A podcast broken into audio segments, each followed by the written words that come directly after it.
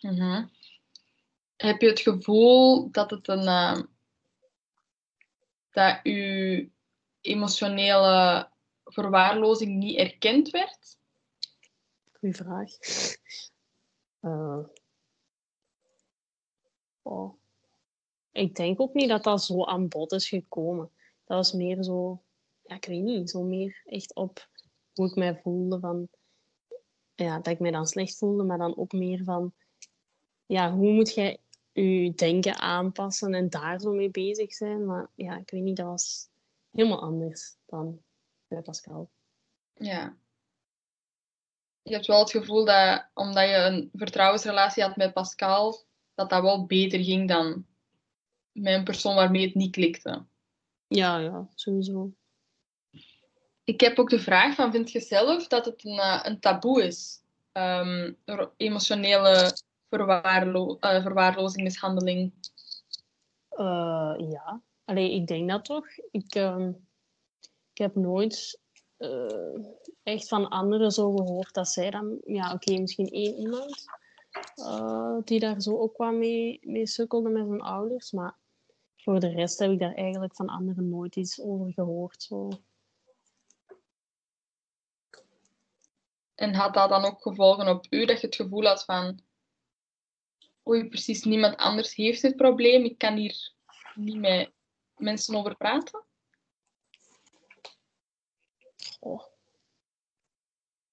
Gewoon niet per se van niemand gaat dat probleem hebben, want ja, je weet wel dat dat, dat, dat sowieso wel speelt bij anderen ook.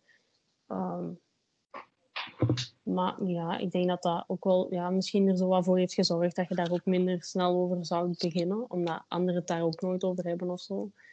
Uh, Ik denk dat zij ook een, verkeerd beeld van zichzelf krijgen. Als je uh, opgroeit in zo'n gezin en dat gebeurt dag in dag uit, um, dan begin ik bij de therapiesessies ook altijd van jij bent oké. Zo van het ligt helemaal niet aan jou. Want heel veel van die uh, slachtoffers daarvan, die hebben zoiets van ja, dit is normaal en, en ik ben abnormaal dat ik hier aan de bel trek. Um, en, en dat is op zich um, terug uh, normaliseren van het geheel. Van jij bent oké en wat er hier met jou gebeurt is, is niet oké. En daar moeten we aan gaan werken. Van wie ben jij dan, um, wie ben jij dan echt zelf? En, en, en wat zou jij zelf graag willen? Ik herinner dat we het ooit een sessie gehad hebben, dat we op papier gingen schrijven van, van wanneer voelde jij je dan nog wel gelukkig? Of wie ben jij dan zelf als, als Lisa zijnde? En toen kwam er uiteindelijk na de sessie op papier van, uh, toen ik jong was, was ik eigenlijk een heel uitgelaten meisje en lachten we heel veel en gieberde heel veel met de vriendinnen en zo. En dat durf ik nu niet meer um, begeleid, zodat ze zelfs moest zijn, dat ze niet meer uh, vrolijk mocht zijn. Dus de basis op te beginnen met jij bent oké okay, wat er gebeurt is vast niet oké. Uh, dus daarom dat je waarschijnlijk ook niet altijd hoort dat er, dat er mensen zijn die dat ook enorm mee worstelen.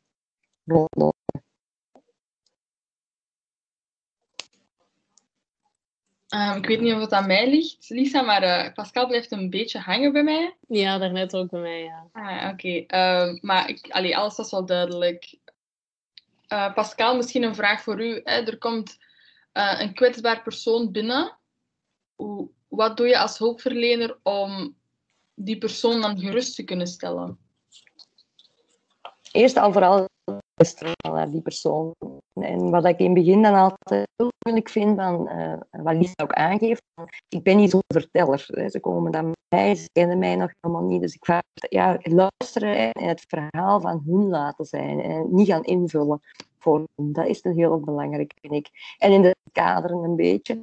Dus een beetje educatie meegeven, maar niet helemaal gaan uitspitten van oké, wat is er nu allemaal? Dat, dat gebeurt meestal op vraag van als ze dat zelf weten.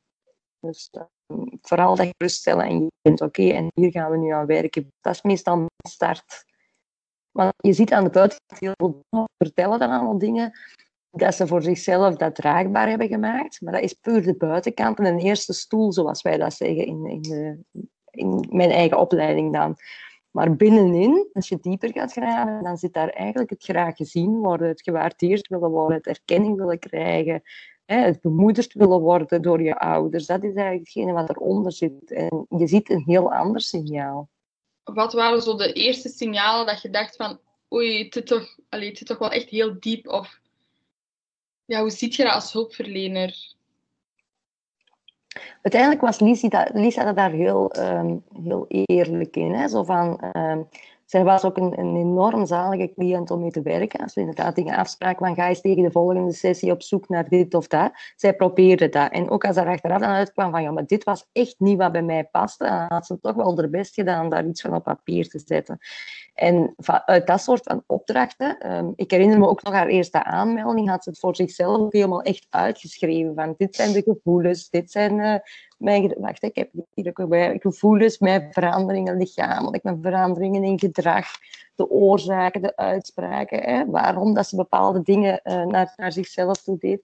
Dus zij, zij, zij ging altijd wel heel ver in het, in het voorbereiden, in het er echt over nadenken en willen werken aan zichzelf. En, en dan vanuit daar kwamen inderdaad wel zaken dat je denkt van oeh ja, dit is echt wel, je bent zo kwaad op jezelf en je hebt al zoveel naar jezelf toe uh, gericht, dat, dat, daar moeten we mee aan de slag. Want jij, jouw persoon is niet de persoon waar dat dit naartoe moet. Die kwaadheid die moet eruit komen en daar moeten andere gevoelens en andere emoties. En ook wat zij zegt, hè, zo van uh, huilen moet je niet doen, want dat is voor, voor de zwakkeren, voor dit en dat. Um, ik werk zelf professioneel in een crash en als je weet hoe wij s morgens kindjes aanpakken en zeggen van je moet niet huilen, mama of papa gaan maar werken. Maar het is wel een bepaalde introjectie die je aan kinderen meegeeft van oh, ik mag niet huilen. Terwijl huilen is de vorm van emotie ontladen, is van iets wat er binnen in jou zit te vechten, dat dat buiten moet en, en dat dan wordt afgestopt. Hè. Dus heel dikwijls is het daar al mensen leren toestaan van ik mag hier huilen, ik mag hier emoties laten zien. Mhm. Ik vind het ook heel mooi verwoord dat je zegt van, als, uh, dat je werkt in een crash en als ze dan zeggen tegen de kindjes, ja, je moet niet huilen, dat je dat dat het soms iets sneller is gebeurd dan dat je er zelf bij stilstaat. Ja, ja klopt. Um, Lisa kwam naar u en ik denk ook, ze had het direct duidelijk gemaakt dat ze niet met haar ouders wil ja. samenwerken. Hoe, hoe, allez, hoe kwam dat bij u over? Uh, heel eerlijk en, en, en ook wel begrijpelijk in de zin van um, het feit dat je die stap al zelf durft zetten. Um, dat je, ondanks dat je het al heel lang moeilijk hebt, uh, en ondanks dat je eigenlijk eh, zoveel begeleiding van vriendinnen nodig hebt om die stap te zetten, dat vind ik al een hele knappe. En als dat dan inderdaad zoiets is van, kijk, ik ga dit niet doen samen met mijn ouders, ze kon dat ook heel erg mooi verwoorden waarom niet. En dus zij had ook heel duidelijk van, er is met mijn papa op het werk dit en dat gebeurd, en dan zegt hij zo'n dingen. En ja, dat maakte voor haar ook al wel heel duidelijk hoe dat het kader van haar eigen ouders was.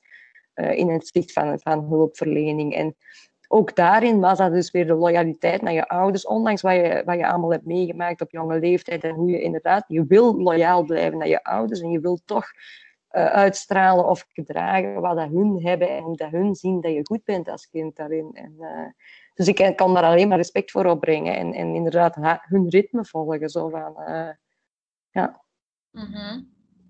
Lisa heeft op een gegeven moment gezegd in haar verhaal dat ze heel veel, of dat ze redelijk vaak haar verhaal opnieuw moest vertellen en elke keer um, opnieuw zichzelf moest openstellen. En dan is mijn vraag naar u, Pascal, van hoe denk je dat de hulpverlening hierin kan veranderen? Ja, ik vind het een hele jammer dat het al moet in de manier waarop het nu is. Hè. Zo van, uh, sowieso, uh, er zijn heel moeilijke trajecten, zeker voor jongeren zoals Lisa, die het dan inderdaad zoiets hebben van, kijk, ze, ze was nog student op school, in principe is er dan geen inkomen, elke hulpverlening kost normaal gezien altijd geld, dus dat, dat is al heel moeilijk voor zo'n jongere. Maar ook inderdaad van, je moet dan elke keer terug bij iemand anders het verhaal gaan doen. Um, maar ook in, in, stel dat ze dan inderdaad zelf zouden, want in principe is het wel zo, met ziekenfonds werd het terugbetaald, maar ook dat was hier geen optie, want ja, daar wordt dan inderdaad op een bankrekening van ouders terugbetaald, dus dan wist je weer inderdaad dat er, dat er hulpverlening was. Dus in dat opzicht zou ik inderdaad zeggen van kijk, um, zet daar geen termijnen op hoe lang dit duurt voor iemand, van hoeveel sessies ze mogen hebben, of uh, vooraleer, en inderdaad, stel dat het gewone uh, dagsessies of gewoon volgen, een therapiebegeleiding bij iemand privé, dat dat niet meer de oplossing is, maar dat er andere zaken moeten, moeten uitgezet worden, dan zijn de drempels enorm hoog. Zo van, uh, mensen moeten echt wel uh, diagnoses hebben vanuit huis, doorverwijzingen hebben. Je moet eigenlijk al een hele lange weg gedaan hebben vooraleer je je geloven. Zo van, op een bepaald moment hebben we ook gewoon, heb ik ook zelf de telefoon genomen en gaan bellen van kijk, ik geloof in mijn cliënt en laat die alsjeblieft dat traject daar starten. Dus uh, die drempels en die, die zou toch wel een heel stuk lager moeten, moeten kunnen nog. Ja. Ja, uh, Lisa, uh, Pascal zegt dat eh, hulpverlening kost veel geld. Heb je het gevoel dat dat u heeft tegengehouden om eerder hulpverlening te zoeken? Goh. Nee. Nee, dat niet. Um, ja, ook zo uit. Ja, dat is, dat is gratis dan weer wel. Uh, en uh, Theo ook, uh, die sessies. Dus daar was ik sowieso al begonnen.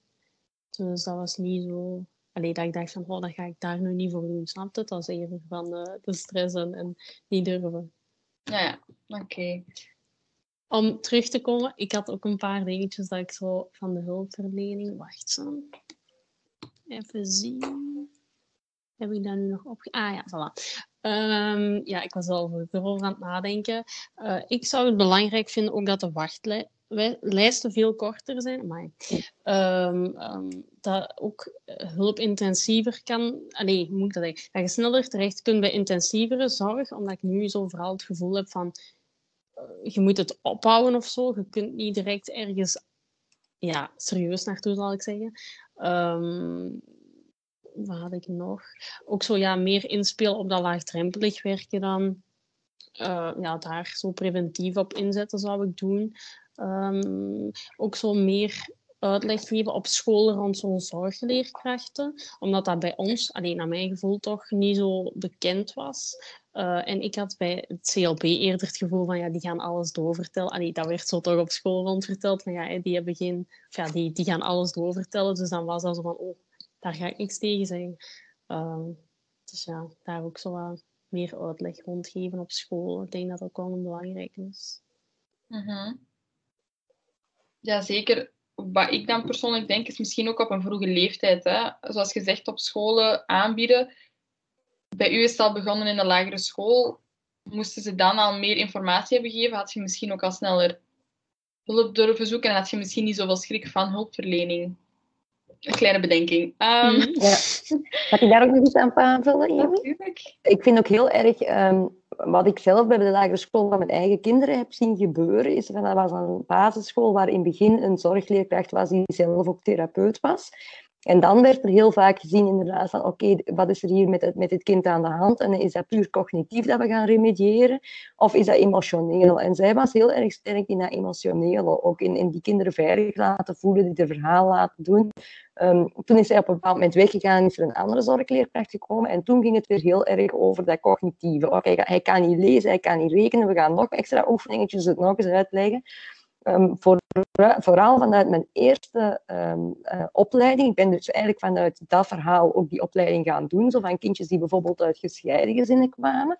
Die kinderen hebben van alles aan hun hoofd. Ieder hoofd zit vol. En dat gaat niet helpen met tien keer hetzelfde maaltafeltje uit te leggen. Maar die kinderen moeten eerst even hun gesprek aan kunnen gaan. En er emotioneel vat kunnen legen. Voordat die weer iets anders erbij kunnen hebben. En dat vind ik ook wel een hele belangrijke. Zo van, um, ook wat Lisa aangeeft. Er zit heel veel verschil in scholen. Hoe dat ze het aanpakken. Hè. CLB inderdaad hebben meteen een link met ouders. Een zorgleerkracht. Um, andere middelbare scholen hoor ik soms over een tutor. Daar heeft elke student een eigen leerkracht waar het goed mee klikt en waar het dan eigenlijk de tussenpersoon is tussen de klassicularis of een zorgleerkracht en een student. Dus ja, ik denk inderdaad dat ze, hoe lager dat je, dat je het kunt gaan leggen, dat de kinderen ook het emotioneel, dus niet alleen het cognitieve op school, maar ook dat er ruimte is voor wat ze voelen en, en voor is wat ontspanning en nemen van die boeken en het is over andere dingen hebben, dat dat ook wel een hele belangrijke is voor de, voor de jongeren van deze tijd. Ja. -hmm ik vind het ook een heel mooi voorbeeld dat je geeft. Um, hè, dat op school misschien iets te vaak op cognitief is gefocust in plaats van het, uh, het emotionele. En zeker als zorgjuf of zorgleerkracht, dat ze misschien daar meer op moeten kunnen inzetten dan op het ja, ja, ja. welzijn. Het is al vaak gevallen dat Lisa bij haar in de basisschool is gebeurd. En dat zal bij heel veel kinderen zijn dat dat al van zo'n jonge leeftijd is. Um, hoe kan je een ouder daarin ondersteunen? Hè? Als ze bijvoorbeeld zelf niet bewust zijn dat ze het doen. Ja, eigenlijk vanuit mijn andere job dan. Ik werk zelf in een kinderdagverblijf. Heb ik uh, vorig jaar een opleiding gaan volgen uh, om inderdaad dit onderwerp um, eigenlijk als vorming aan te bieden aan teams van kinderdagverblijven. Uh, waarom? Omdat ze vanuit Kind en Gezin in 2016 het onderzoek hebben gedaan en er waren op dat moment um, 1224 kindjes aangemeld bij het VK. We moeten het Centrum eh, van Kindermishandeling. En daar kwamen slechts 83 kindjes van de kinderopvang. Terwijl het daar eigenlijk toch de professionals zitten, die uh, heel veel zicht hebben op hoe dat kinderen normaal uh, ontwikkelen. En die echt wel af en toe de vinger erop kunnen leggen van dit is geen normale ontwikkeling, hier is echt iets anders aan de hand. Dat kind vertelt het misschien niet met woorden, maar we zien aan zijn gedrag of aan zijn manier van spelen dat er iets aan de hand is. Um, en daar eigenlijk ook vormingen op geven van, kijk, dat is heel spannend om zoiets met ouders, want ook zij hebben een vertrouwensrelatie met de ouders van hun kindjes. Maar aan de andere kant, het is wel heel belangrijk, um, ik vergelijk dat altijd van, eh, om een auto te mogen besturen, moet je eerst een rijbewijs halen. Om kinderen op de wereld te zetten, is er geen enkel bewijs nodig. Dus sommige kindjes hebben inderdaad de pech dat ze in niet zo'n uh, goed nest geboren worden. En, en om ja, we gaan dan ook kijken van, kijk, wat kunnen wij als kinderopvang bieden, maar wat kunnen we als kinderopvang ook niet bieden. En het is soms ook met wat de ouders zelf hebben meegekregen van thuis uit, of welke kwetsuren dat ze zelf in het verleden ooit hebben op, dat ze ook gewoon de, de handvaten niet hebben. En dan het gesprek aangaan van, kijk, hè, aan de ouders, je hebt soms inderdaad mensen die een carrière gaan, dan komt daar een kind en heel die wereld zat op zijn kop en dan hadden ze niet verwacht dat dat zoveel tijd in beslag ging nemen. En daar het gesprek mee aan durven gaan en kunnen zeggen van, kijk, kunnen wij niet iets bieden?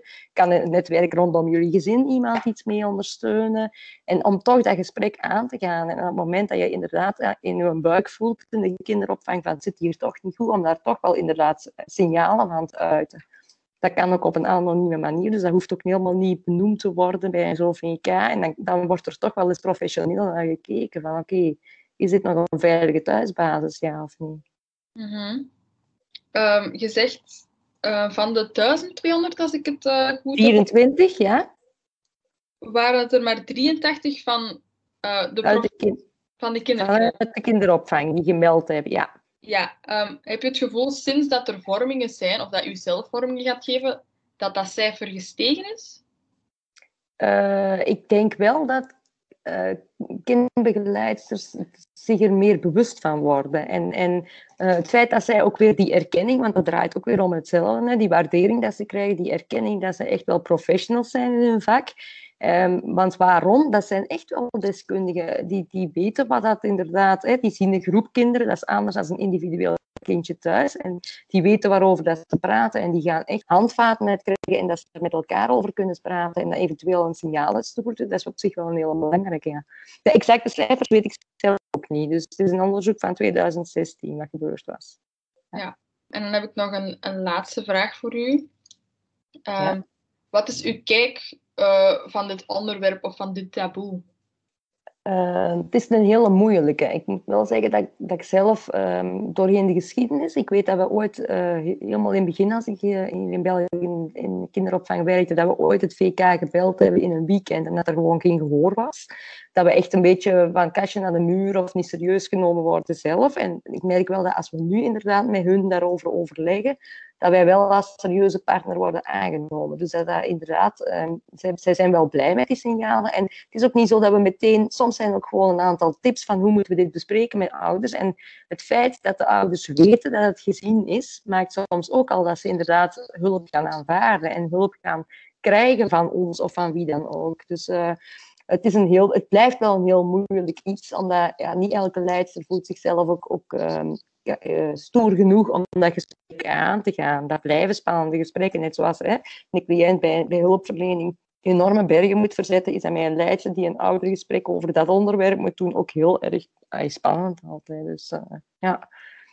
Maar inderdaad, ik denk als we heel eerlijk zijn, dat we het nu hebben over, over de crèches of over de kleuterschool, over de lagere school. Ik denk dat, dat zowel leerkrachten, zorgverlening of zorgleerkrachten hulpverlening wel weet dat er toch wel nog altijd uh, verdoken uh, gevallen zitten waar inderdaad niet meteen uh, de, hulp de hand wordt geboden tot hulp en dergelijke. Dus het blijft inderdaad wel een moeilijk onderwerp. Ja, -hmm. ja wij zijn als groep ook um, een, hebben ook een interview afgelegd met iemand van het VK. En het, ehm, dus daar hebben ze ook eh, benoemd dat jongeren het vaak ook kunnen verstoppen. En die komen buiten en die laten eigenlijk niets meer zien. Lisa, had jij zelf ook het gevoel dat jij dat deed? Ja, uh, ja ik, ik liet dat aan niemand zien. Uh, ja, ook bij vriendinnen nu. Uh, als er iets is of zo, dan, dan zal ik nog zeggen van ja, alles is goed. van ja, ik heb dan één vriendin en die komt altijd bij mij zitten en die zegt ja, en nu, die gaat eens zeggen wat er is. En die blijft me dan aankijken tot ik iets zeg. Dus ja. En heb je het gevoel dat je dat nodig hebt? Jawel, want anders krop ik alles op. Dus uh, ook al vind ik dat heel stresserend. Maar ja, soms heb ik dat wel zo eens nodig. Mm -hmm. um, dan Lisa, ik heb nog ook een laatste vraag voor jou. Mm -hmm. Wat wil jij meegeven aan de anderen die in dezelfde kwetsbaarheid zitten als u? Of heb je oh. tips? Of... Um, dat wil ik meegeven. Ja, als je voelt van ik voel me niet oké of ik word op een negatieve manier behandeld, uh, ja, toch iemand te zoeken die je wat vertrouwt. Al, ja, zijn het maar vrienden, om dat toch wat proberen te bespreekbaar te maken. Want ja, als je het niet bespreekbaar maakt, ga je ook alles gewoon opkroppen. En dat zorgt dan later weer voor andere problemen.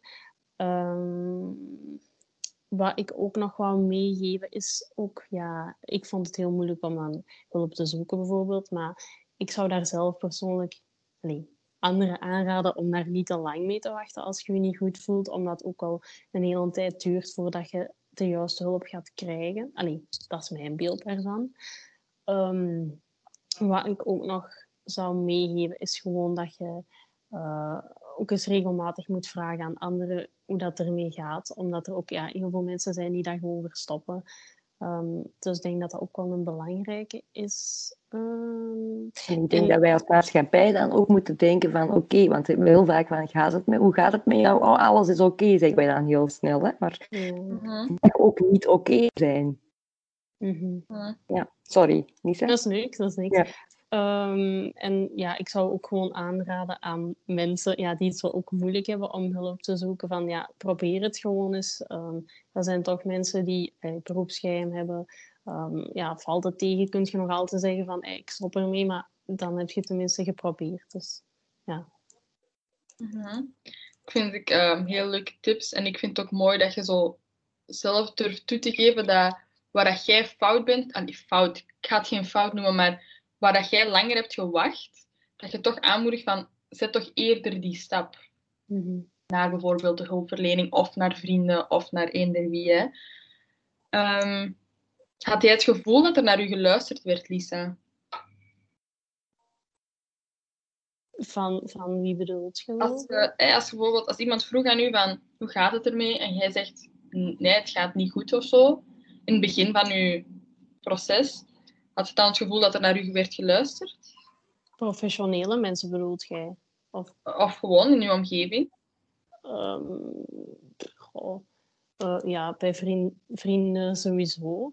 Um, maar in het begin, denk ik, uh, was er ook zo wat meer zo een beetje kwaadheid misschien. En zo ook wat schrik, omdat het niet goed ging. En dat het zo eerst wat meer, ja, moet ik het zeggen, um, ik weet niet hoe ik het moet benoemen, maar zo wat meer eerst wat commentaar geven. En dat dat later wel, nee, dat, dat, dat mijn vriendinnen zo rustiger zijn geworden daarin.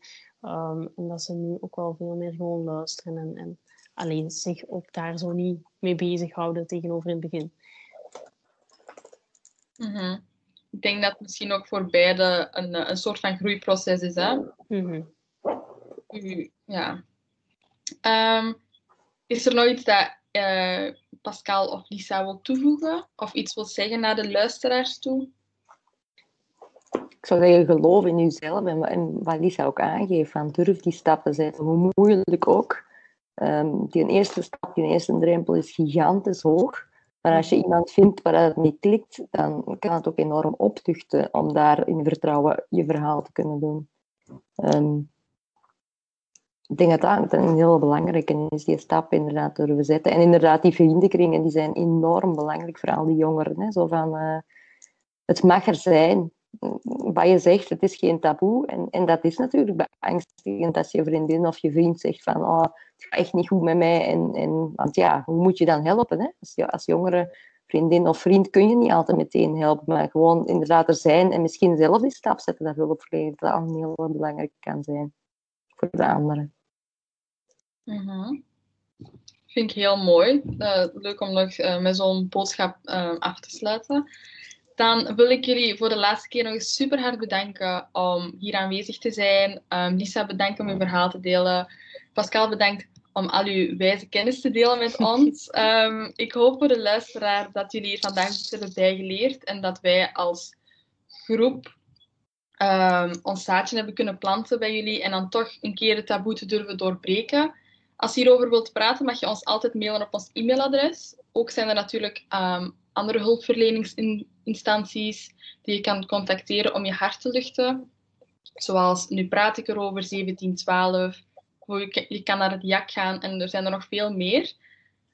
Uh, mijn laatste boodschap is: durf erover te praten met je omgeving. Um, doorbreek het taboe. Met twee weet je altijd meer dan, dan dat je alleen bent. Dankjewel om te luisteren.